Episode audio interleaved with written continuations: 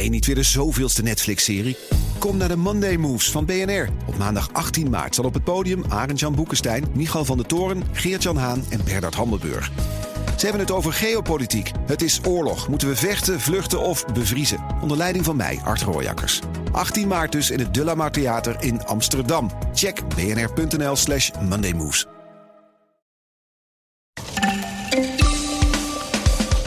Grote bouwprojecten gaan waarschijnlijk extra vertraging oplopen na een uitspraak van het Europees Hof. Die maakt dat nu veel meer mensen en organisaties naar de rechter kunnen als ze die projecten willen tegenhouden. De terrassen mogen volgende week weer open in de middag. Dat is niet genoeg, klaagt Koninklijke Horeca Nederland. En een groep banken staat op voet van oorlog met de curatoren van het failliete Imtech.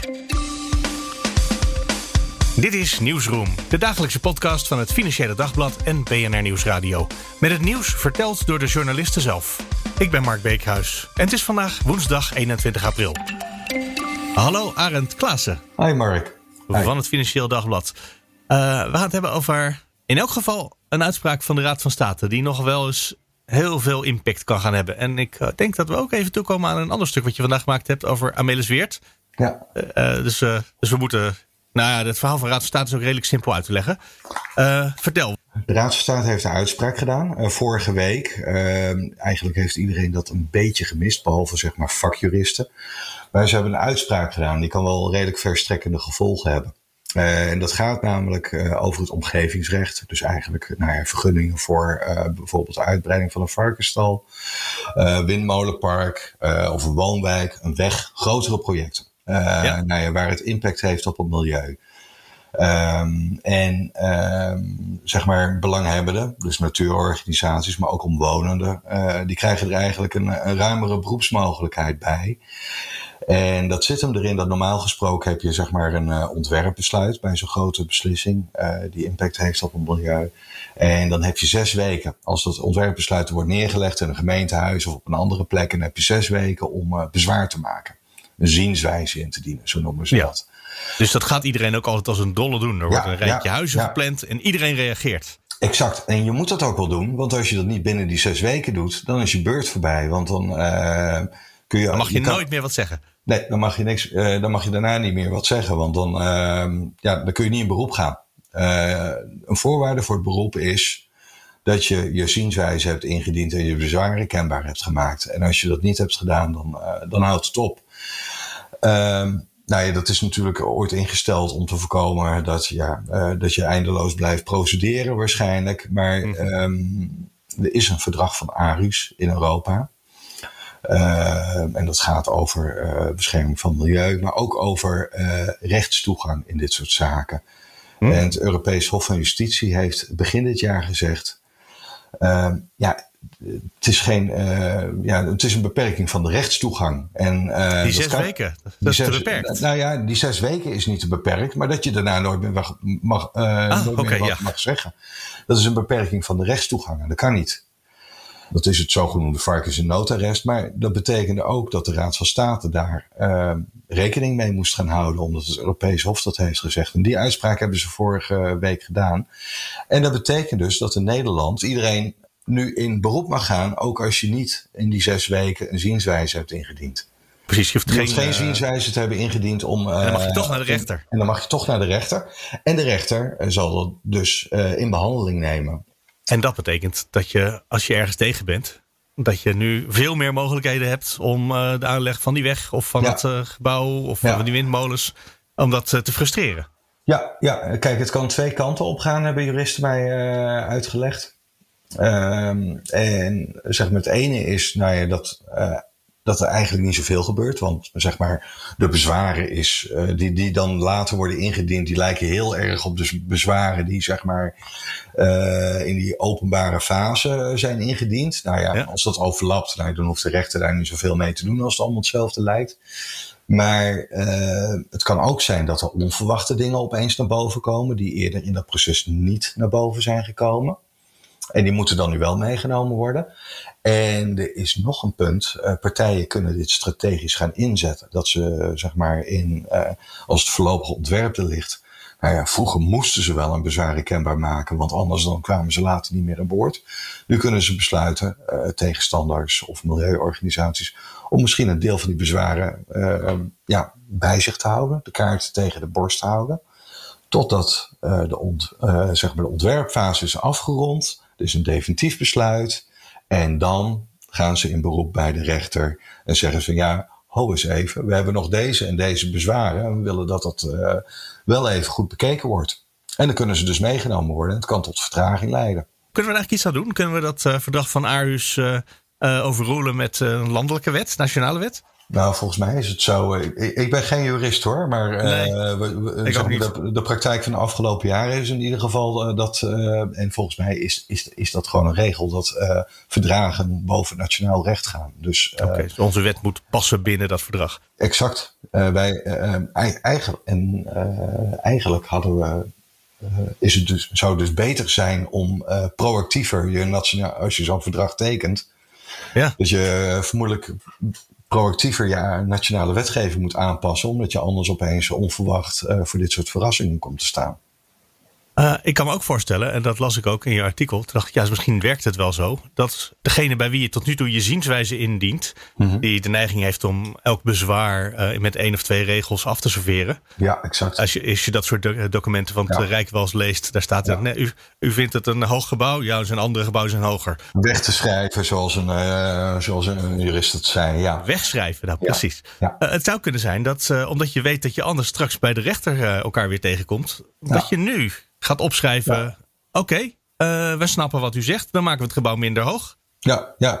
ja uh, Tom Barkhuis, uh, partner bij Stibbe en hoogleraar in Leiden, die zei dat inderdaad. Van, nou ja, dat, dat dit ook kan gaan betekenen dat zo'n zo'n inspraakronde en zo'n ontwerpbesluit, nou ja, dat dat echt, echt wat gaat betekenen, waar dat nu vaak, vaak niet het geval is toegang tot het recht, wat je net zei, toegang tot het recht, dat, heeft, dat maakt dus dat die inspraakprocedure betekenisvol moet worden. Ja, ja exact. Want als je het niet doet, dan uh, krijg je later de kous op de kop. Ja. Ja. ja. ja. ja. Dit gaat wel hele grote gevolgen hebben, want elk project wat er uh, aangelegd uh, gaat worden, wat er bedacht wordt, ja. gaat je natuurlijk last van hebben. Ja, een groter project waarin zo'n zeg maar zo'n openbare fase in zit, waar ja, het hoeft niet bij uh, je dakkapel aan de voorkant van het huis, zeg maar. Maar uh, nee. wel, wel zeg maar alles wat significant is en impact heeft op het milieu en de omgeving. Wat een ja. heel mooi bruggetje is naar het andere verhaal wat je geschreven hebt. Amelis Weert. Ja. waar alweer over gevochten wordt. Ja, dat, dat, dat is natuurlijk 40 jaar geleden en 50 jaar geleden, zeg maar. En in 82, die beelden zijn wel bekend. Dat, dat is een stuk bos aan de rand van Utrecht waar een snelweg ja. moest komen. Nou, die ligt er inmiddels. A27. Nee, de A27 die, uh, ja, die is in uh, midden jaren 80 is die open gegaan. Ja. Goed, er was destijds begin jaren 80 veel verzet tegen. Je hebt aan de, aan de oostkant van, van Utrecht heb je landgoed Amelis Weert, Rijnauwen, een, ja, een, een landschappelijk gebied. En eigenlijk historisch gezien liep, liep de stad daar via de Kromme Rijn zo over in het platteland, het natuurgebied. En, maar niet meer. Nee, niet meer. Daar ligt nu de barrière van de A27. Uh, ondanks groot verzet begin jaren 80 is die daar aangelegd. Want, uh, nou ja, goed, er moest een weg. Zeg maar, uh, de snelweg moest goed doorlopen naar Amersfoort. Ja. Dat ging vroeger over de waterlinie bij, bij Utrecht. Nou, dat paste absoluut niet meer. Dus dat is dwars door de oostkant van het landgoed aangelegd. En, ja, goed, die weg moet nu verbreed gaan worden ligt op dit moment ook een tracébesluit uh, bij uh, de Raad van State, waar uh, ook bezwaren zijn tegen ingediend. Ja. Ik weet niet of er ook bezwaren zijn ingediend door partijen die geen zienswijze hebben ingediend, maar dat kan dus nog. Dat kan dus nu. Dat kan, dat kan dus. Ja. Als, als partijen zonder zienswijze een bezwaar hebben ingediend, dan wordt dat nu dus wel meegenomen, waar dat een paar maanden geleden niet zo zou zijn geweest. Ja. Maar goed, uh, Rijkswaterstaat wil dat nu uh, na 40 jaar gaan verbreden, die A27. En daar is uh, opnieuw groot verzet tegen, vanwege bomenkap. Maar met name ook vanwege de grote ingrijpende operatie die dat, uh, die dat gaat opleveren. Ja, daar ligt een grote betonnen bak die uit de grond gevreesd moet worden, hè? Ja, in, uh, ja uh, zeg maar om tegemoet te komen aan de bezwaren destijds is de snelweg is wel verdiept aangelegd. En iets meer naar de westkant van het landgoed, dat er niet helemaal dwars er doorheen ging. En die verdiepte ligging, uh, nou ja, dat betekende ook dat, dat het eigenlijk onder het grondwaterniveau uh, kwam te liggen. Dus er ligt onder een deel van die snelweg ligt een uh, dikke PVC-folie om dat grondwater tegen te houden. En in een ander deel ligt die snelweg in een betonnen bak. Maar goed, in ieder geval, die snelweg kun je dus niet zomaar verbreden naar twee keer zeven rijstroken. Want je moet zorgen dat het folie niet beschadigt en je moet die betonnen bak verbreden. Ja. En om te voorkomen dat zeg maar, die bak onder water loopt tijdens de bouw. En uh, dat de bouwers wel met uh, droge voeten kunnen werken. ja. Gaan ze dus een uh, enorme betonnen muur. en van cement bent u niet. Om dat hele stuk snelweg heen graven. 70 meter diep. anderhalf jaar vrezen. Um, dus er is, ja, er is zorg over ja. zeldzame dieren die er in de buurt leven. Ehm, en, en, en tegenstanders vragen zich echt af of dit nou nodig is. En of dat nou niet gewoon, het moet naar twee keer zeven rijstroken.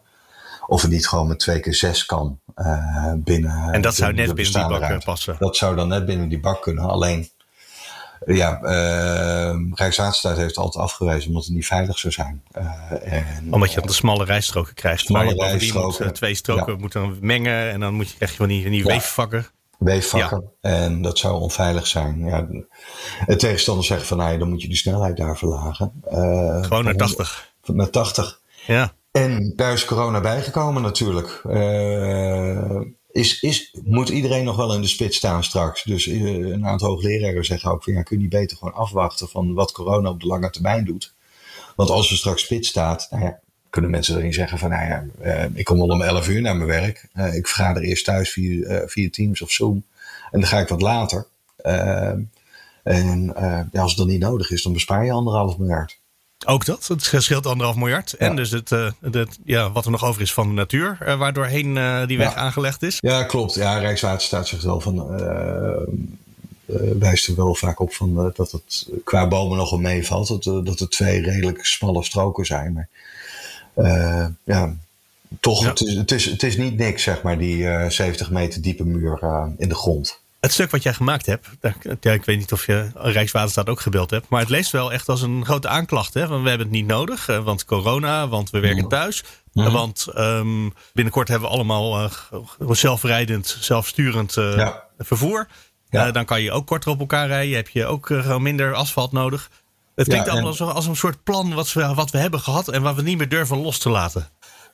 Nee, dat is inderdaad een beetje wat je, wat je hoort. Uh, ik heb Rijkswaterstaat voor dit artikel niet gesproken, uh, of het ministerie. maar goed, er, er zijn wel hele dikke papier vanuit het ministerie over geschreven. Het besluit ja. natuurlijk. Uh, waarin ze aangeven dat, uh, nou ja, dat, dat het ministerie echt voorziet dat, dat die capaciteit wel nodig is. Dat zal ook wel, want ze gaan er anderhalf miljard aan uitgeven. Dat, dat er nu een dip is in het vervoer, maar dat, dat het op termijn toch gaat toenemen. En dat die file druk zo zwaar wordt dat het daar wel vastloopt. Dat is de argumentatie erachter. En destijds ook bij de pleidooi voor twee keer zes rijstroken. Nou ja, hebben ze ook een heel rapport geschreven dat, dat het niet veilig is. Ja. Dus ja, goed, uit die stuk heb ik wel geput. En, uh, en dat ook genoemd. Ja. Arend Vlaassen, dankjewel. Ja, oké. Okay. Hey, geen dank. Fijne dag, Mark. Hallo, Casper de Gelder. Goedemorgen, Mark. Hallo. Van BNR Nieuwsradio. We gaan het hebben over de persconferentie van gisteravond. Um, die zal jij vast ook helemaal braaf hebben uitgekeken van begin tot eind. Want dat doen alle journalisten. Ja, ja, ik werd wel op het eind gestoord door een belletje. Door het UWV, die hadden we ook in de uitzending, werd ik gestoord. Nou ja, oh, nou ja goed. Dus, dus, die waren klaar met kijken toen al? Dat denk ik, ja, dat denk ik. ja, kan ik me ook wel voorstellen. Want uiteindelijk zat er niet heel veel nieuws in de ja, persconferentie. Ja. Alles wat we gisterochtend wisten, bleek gisteravond te kloppen. Precies, precies. Uh, onder andere dus de, de terrassen mogen open. Uh, en uh, met allerlei toeters en bellen en voorwaarden. Want je moet wel met maximaal Maximaal... Twee mensen aan een tafeltje of met een huisgezinnetje of aan met tafel? Met een huisgezin, ja, ja, ja. Dus het is inderdaad. Um, um, um, en er zijn maximaal twee mensen van dus verschillende huishoudens. Dus je mag dus met één vriend, vriendin, collega op het terras gaan zitten.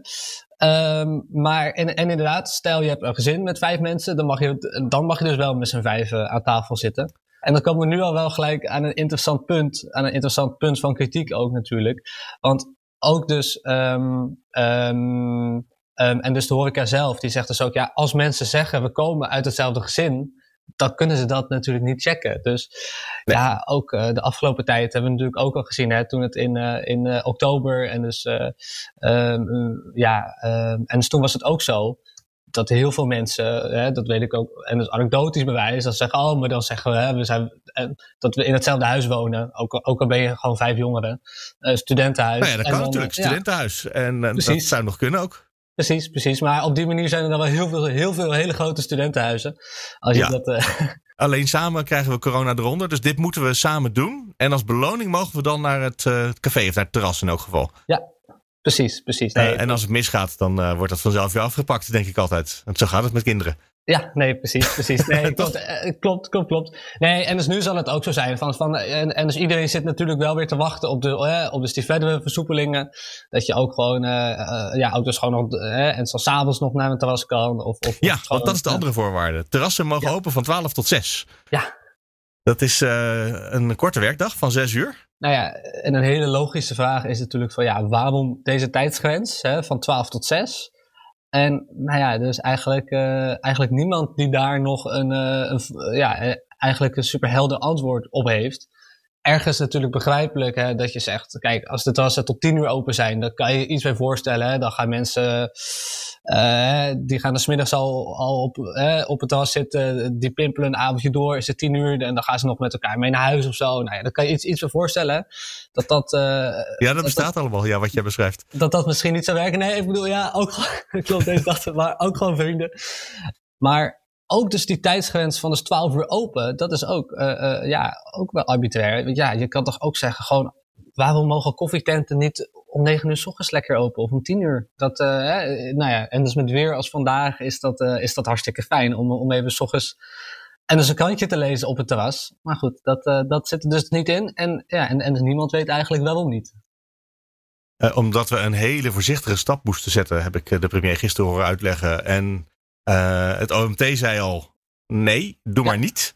Dus alles meer dan niks is, uh, is spannend of uh, risicovol of gevaarlijk, afhankelijk van welk woord je wil kiezen.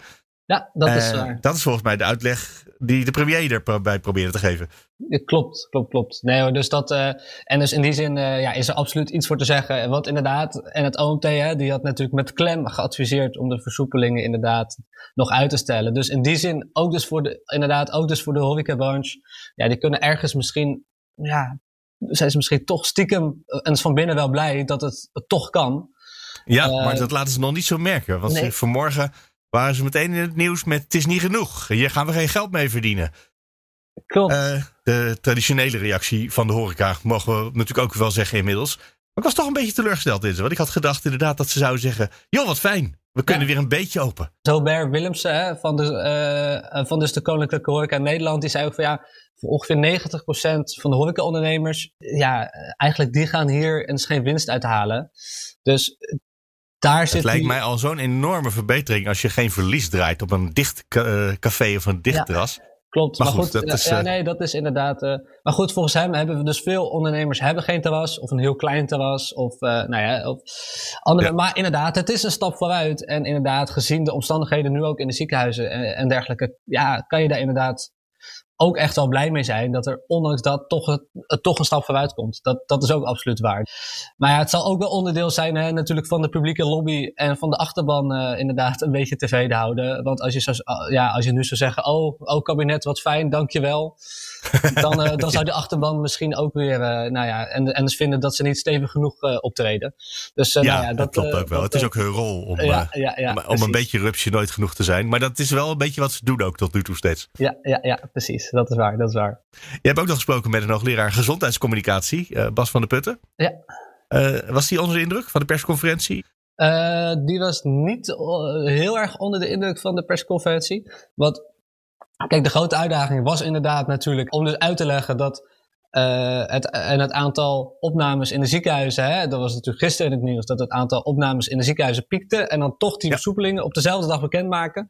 Nou ja, dat is gewoon een hele lastige, ja, dat, dat, ja, dat ehm, is dus gewoon lastig uit te leggen. Ja. En hij was er ook niet erg van overtuigd. Want, want en, en wat hij zei was van ja, er is nog niet echt verteld ja, wat er misgaat als je, als je nog even twee weken wacht met die versoepelingen. Wat voor doemscenario er dan komt. En, en, en verder inderdaad hè, ook uh, over het openen van die terrassen zei hij ook van ja, vind ik, eh, op zich prima en goed. Alleen inderdaad, al die redeneringen erachter, uh, achter die 12 tot 6 opening, ja, die vond hij ook nog niet echt goed genoeg uitgelegd. Um, van, dus inderdaad, waarom niet om 9 uur s ochtends of waarom inderdaad om de 6 uur dicht? Um, en dus daar zijn allemaal argumenten voor te bedenken, maar die hebben we nog niet heel goed gehoord. Um, en, en dus dat had hij nog wel duidelijker willen horen eigenlijk. Zoals wij eigenlijk ook. Ja, zeker. Ja, ja. ja, ja zeker. Want precies, wat, wat gaat er om zes uur gebeuren? Ja, ik heb van de horeca mensen voor gehoord dat iedereen dan naar het park gaat. Dat is... En dan verplaats je het probleem van het terras naar het park. Ja, dat is inderdaad, uh, ja, klopt. Een van de problemen hierbij natuurlijk. En dat is ook voor, ja, voor, uh, en voor eigenlijk horecaondernemers wordt dat ook waarschijnlijk wel lastig of nou ja, het kan soms lastig worden om, ja, om dan dus die terrassen leeg te krijgen.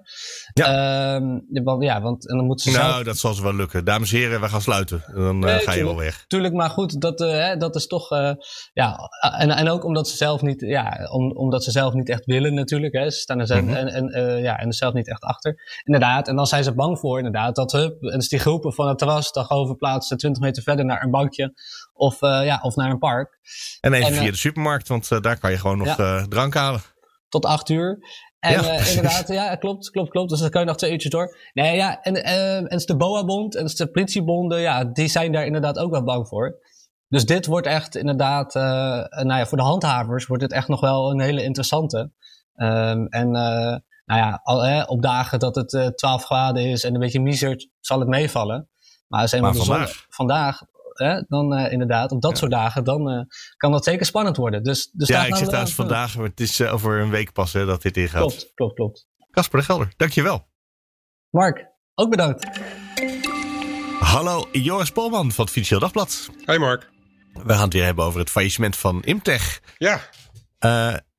wanneer was dat ook alweer? Ja, dat is alweer een tijdje geleden. Uh, maar dat was in de zomer van 2015. Dus uh, in augustus van deze zomer is het alweer zes jaar geleden.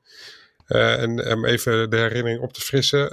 Imtech was een beursgenoteerd elektrotechnisch installatiebedrijf.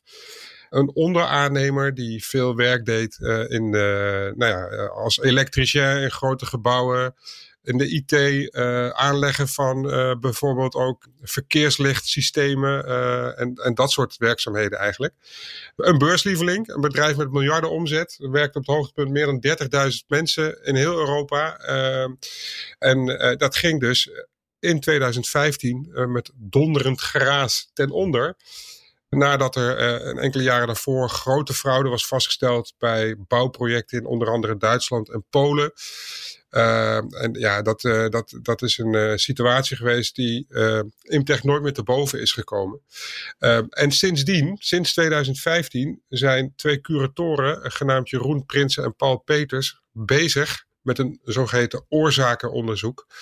Uh, zij hebben vastgesteld dat er anderhalf miljard uh, aan uh, vorderingen zijn op de, wat ze dan met jargon noemen de boedel van Imtech. -huh. Mhm. dat zijn dus mensen, partijen die nog geld krijgen van, ehm, van Imtech. en zij proberen door middel van het oorzakenonderzoek uiteindelijk partijen aansprakelijk te stellen. Want die boedel was uh, zo goed als leeg uh, toen zij uh, bij, bij het faillissement betrokken raakten. En proberen dan vervolgens via procedures of schikkingen uiteindelijk dat geld van die partijen te krijgen die ze aansprakelijk hebben gesteld. En dat kunnen ze dan weer uitkeren aan die schuldeisers. En dat is een proces, daar zitten we nu middenin. en dat is al jaren gaande. Dat duurt heel lang. Ja, Zo'n afwikkeling kan ook wel 10 of 15 jaar duren soms, hè? Oh ja, dat zijn hele normale. Wij zijn gewend uh, om, te, te, denken in termen van dagen en weken als je werkt. Maar dit is inderdaad, uh, dit gaat om jaren en, iedereen weet dat ook. Uh, dus het is echt iets van de lange adem. Uh, een soort uh, titanengevecht in de schaduwen van, van de financiële wereld. Waar je zo nu en dan eens een keer zicht op krijgt. Omdat er dan weer eens een procedure in de openbaarheid komt. Of dat er dan eens, die, die, die curatoren moeten dan wel eens een, een faillissementverslag publiceren. En dan moeten ze dan mededelingen doen over de stand van zaken.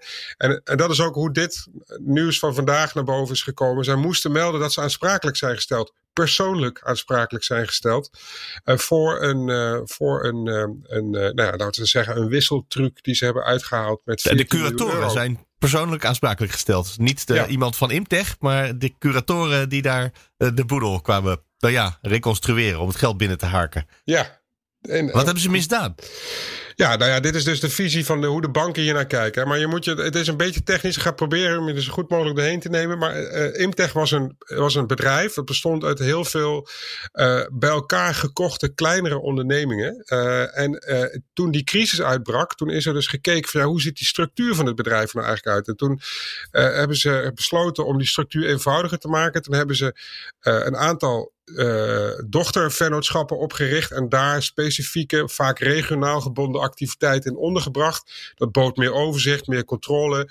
Uh, uh, en dat was ook een vorm van risicospreiding. Hè? Want als iets omvalt en het is verknoopt met een andere onderneming, dan trek je alles omver. Maar als je het dus uit elkaar houdt en in aparte vennootschappen zet, ja, dan, dan, dan spreid je dat risico dat is toen gebeurd. En, die, en uh, die, die curatoren zeggen nu dat dat gebeurd is op instigatie van de banken. Uh, toen de tijd, want die zaten heel, met heel veel financieringen en, en grote belangen in Imtech op dat moment. En die banken wilden, vooruitlopend op dat faillissement, zo is de theorie van Prins en Peters, die aparte vennootschappen naar zich toe trekken door middel van verpanding. Op het moment dat het dan fout zou gaan, konden, konden die vennootschappen worden verkocht. Het geld dat dan vrijkwam, ging dan niet terug naar Imtech, maar naar de banken. Uh, dat is de theorie van Prins en Peters. Dat onderzoek, daar zijn ze nu al vijf jaar mee bezig. En wat er is gebeurd, is dat er in zo'n specifieke vennootschap, Imtech UK, daar zaten Britse activiteiten in, daar stond nog een potje van 14 miljoen euro. Dat was een heel klip en klaar verhaal. Dat blijkt ook uit gerechtelijke uitspraken die ik heb gezien. Die 14 miljoen euro, daar waren eigenlijk twee schuldeisers voor. Eén, de Belastingdienst, die zou 10,6 miljoen euro krijgen. En de rest zou gaan naar een groepje banken die uh, ook belang hadden bij, uh, bij, deze, uh, bij deze vennootschap. Daarvan was duidelijk dat het uitgekeerd zou worden. Dat was er min of meer overeengekomen. Dat is vastgelegd in een gerechtelijke uitspraak. En vorig jaar opeens is dat geld overgemaakt naar de holding van Imtech, de holding waaruit Prinsen en Peters hun eigen onderzoek en hun eigen salaris financieren. Dat geld is dus niet gegaan aan de schuldeisers, maar naar, uh, uh, laten we de zeggen, curatoren zelf. Ja, naar het potje van de curatoren zelf. Ah, ja, die hebben natuurlijk altijd een belang bij de afwikkeling. Dat kan niet anders, want ze moeten ook betaald worden. Zij moeten betaald worden. Ja. Dat is ook allemaal uh, conform uh, de wet. Uh, ja. en, maar het maakt ook meteen dat ze een partij zijn in het conflict. Ja. Dat kan als niet anders. Ja. Nee, zeker. En, en dat is ook wat hier gebeurd is nu. Ja, dus die, dus, die, dus die banken die zijn daar boos over. En die hebben dus gezegd, ja, dit, dit is een, gang van zaken die, uh, ja, die, wij niet, uh, die wij onrechtmatig vinden. En die hebben nu dus gezegd, wij stellen jullie daar persoonlijk voor aansprakelijk. Nou, um, daar kan je van alles van vinden. Maar wat hier vooral van belang is natuurlijk, is dat die banken uh, door, door de curatoren aansprakelijk zijn gesteld voor het hele faillissement. Het gaat dus om honderden miljoenen die onderzoeken lopen nog. En uh, dat is eigenlijk natuurlijk vooral uh, wat die banken uh, dwars zit. Dus je moet deze, ja, deze. De banken zijn boos, die zijn chagrijnig dat de curatoren zeggen. jullie zijn de schuld van dit faillissement, nare banken. En die banken zelf zeggen nu: wacht eens eventjes. Jullie halen een hele rare truc uit met onze 14 miljoen. Zo is het. Het gaat niet eens om die 14 miljoen misschien. Dat is misschien, nou ja, dat is wel heel veel geld. Maar voor een bank, hoeveel banken gaat het om? Een heel aantal. Een heel aantal. Uh, en en ja. Ja. dan gaat het dus om, om, om, iets meer dan 3 miljoen euro. Daar lachen banken natuurlijk om. Uh, met alle respect. Hè. Dat, zo is het ja. gewoon. Maar hier is iets anders aan de hand. zij, dit, is, dit is wat ik net al zei. Het is echt een schaduwgevecht in, in, in, in Ja, ze proberen de curatoren dwars te zitten. Dwars zitten, pesten, uitroken, hoe je het ook wil noemen. Ja, dat is uitroken. natuurlijk wat hier aan de hand is. Ehm, eh, en, en, en, daarom vond niemand van de gesproken partijen overigens ook dit stukje erg leuk uh, van vanochtend. Want ja, dit is niet de bedoeling dat dit allemaal aan de grote klok wordt gehangen. Want uh, niemand maakt hier natuurlijk een, slaat hier een goed figuur. Dat geldt voor die banken niet. want ja, die, die, die wekken nu toch de indruk dat ze dat onderzoek proberen te frustreren. Het geldt natuurlijk ook voor die, voor die Prinsen en Peters, die als je het frame van de banken volgt, een zeg maar geld dat bedoeld was voor de Belastingdienst, geld van jou en mij, Mark, naar zich toe trekken om zichzelf te betalen. Precies, wij staan naast de banken in dit geval. Hè? Want als het geld naar de banken gaat, gaat het ook naar de Belastingdienst. Nou ja, dat zou je kunnen zeggen. Uh, maar verlies dus daarbij niet uit het oog dat hier dus andere belangen uh, ook een grote rol spelen. Um, en dat is, dat is denk ik uh, de belangrijkste boodschap onderliggend van dit verhaal. het, is een, het is een saillante ruzie. Maar het, het, het, is vooral een, ja, het is vooral een signaal van iets groters dat nu al zo lang ligt te borrelen en te gisten. Namelijk um, een, een groot, grote procedure die op enig moment gaat beginnen tegen de banken en die om honderden miljoenen euro's gaat. En dan is het je ook nog gelukt om in het krantenartikel een tussenkopje knabbel en babbel te maken.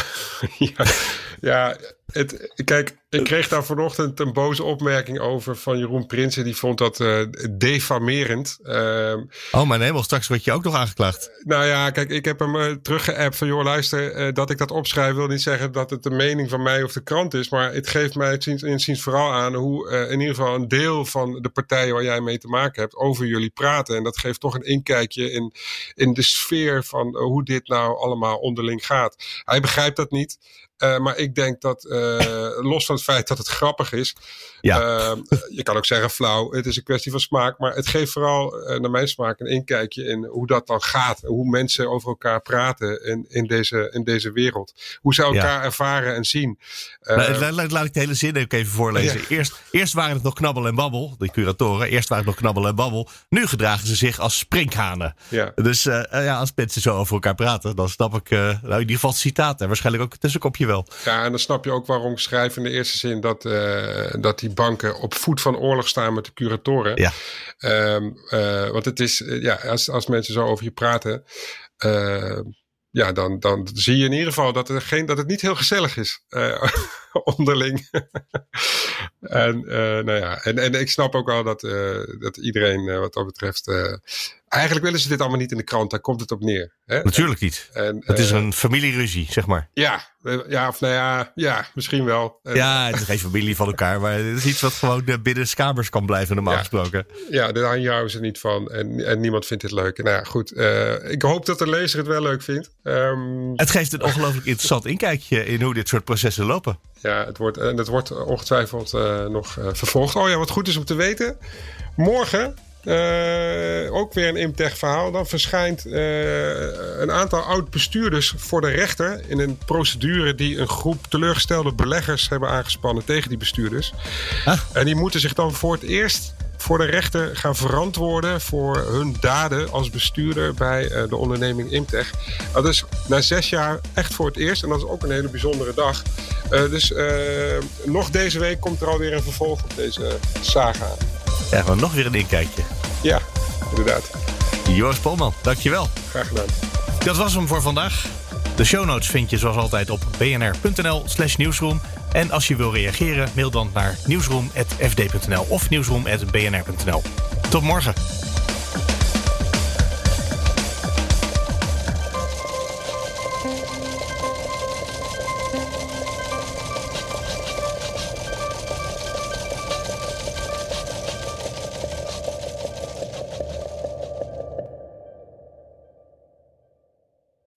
Aardig wat vermogen opgebouwd. En daar zit je dan, met je ton op de bank. Wel een beetje saai, hè? Wil jij, als belegger, onderdeel zijn van het verleden of van de toekomst? Bridgefund is een slimme fintech die een brug slaat tussen de financiële behoeften van ondernemers en van beleggers. Dus wie belegt bij Bridgefund krijgt niet alleen een mooie vaste rente, maar brengt ook ondernemers in beweging. Echt waar, met die ton kan je zoveel betere dingen doen. Bridgefund. Make money smile.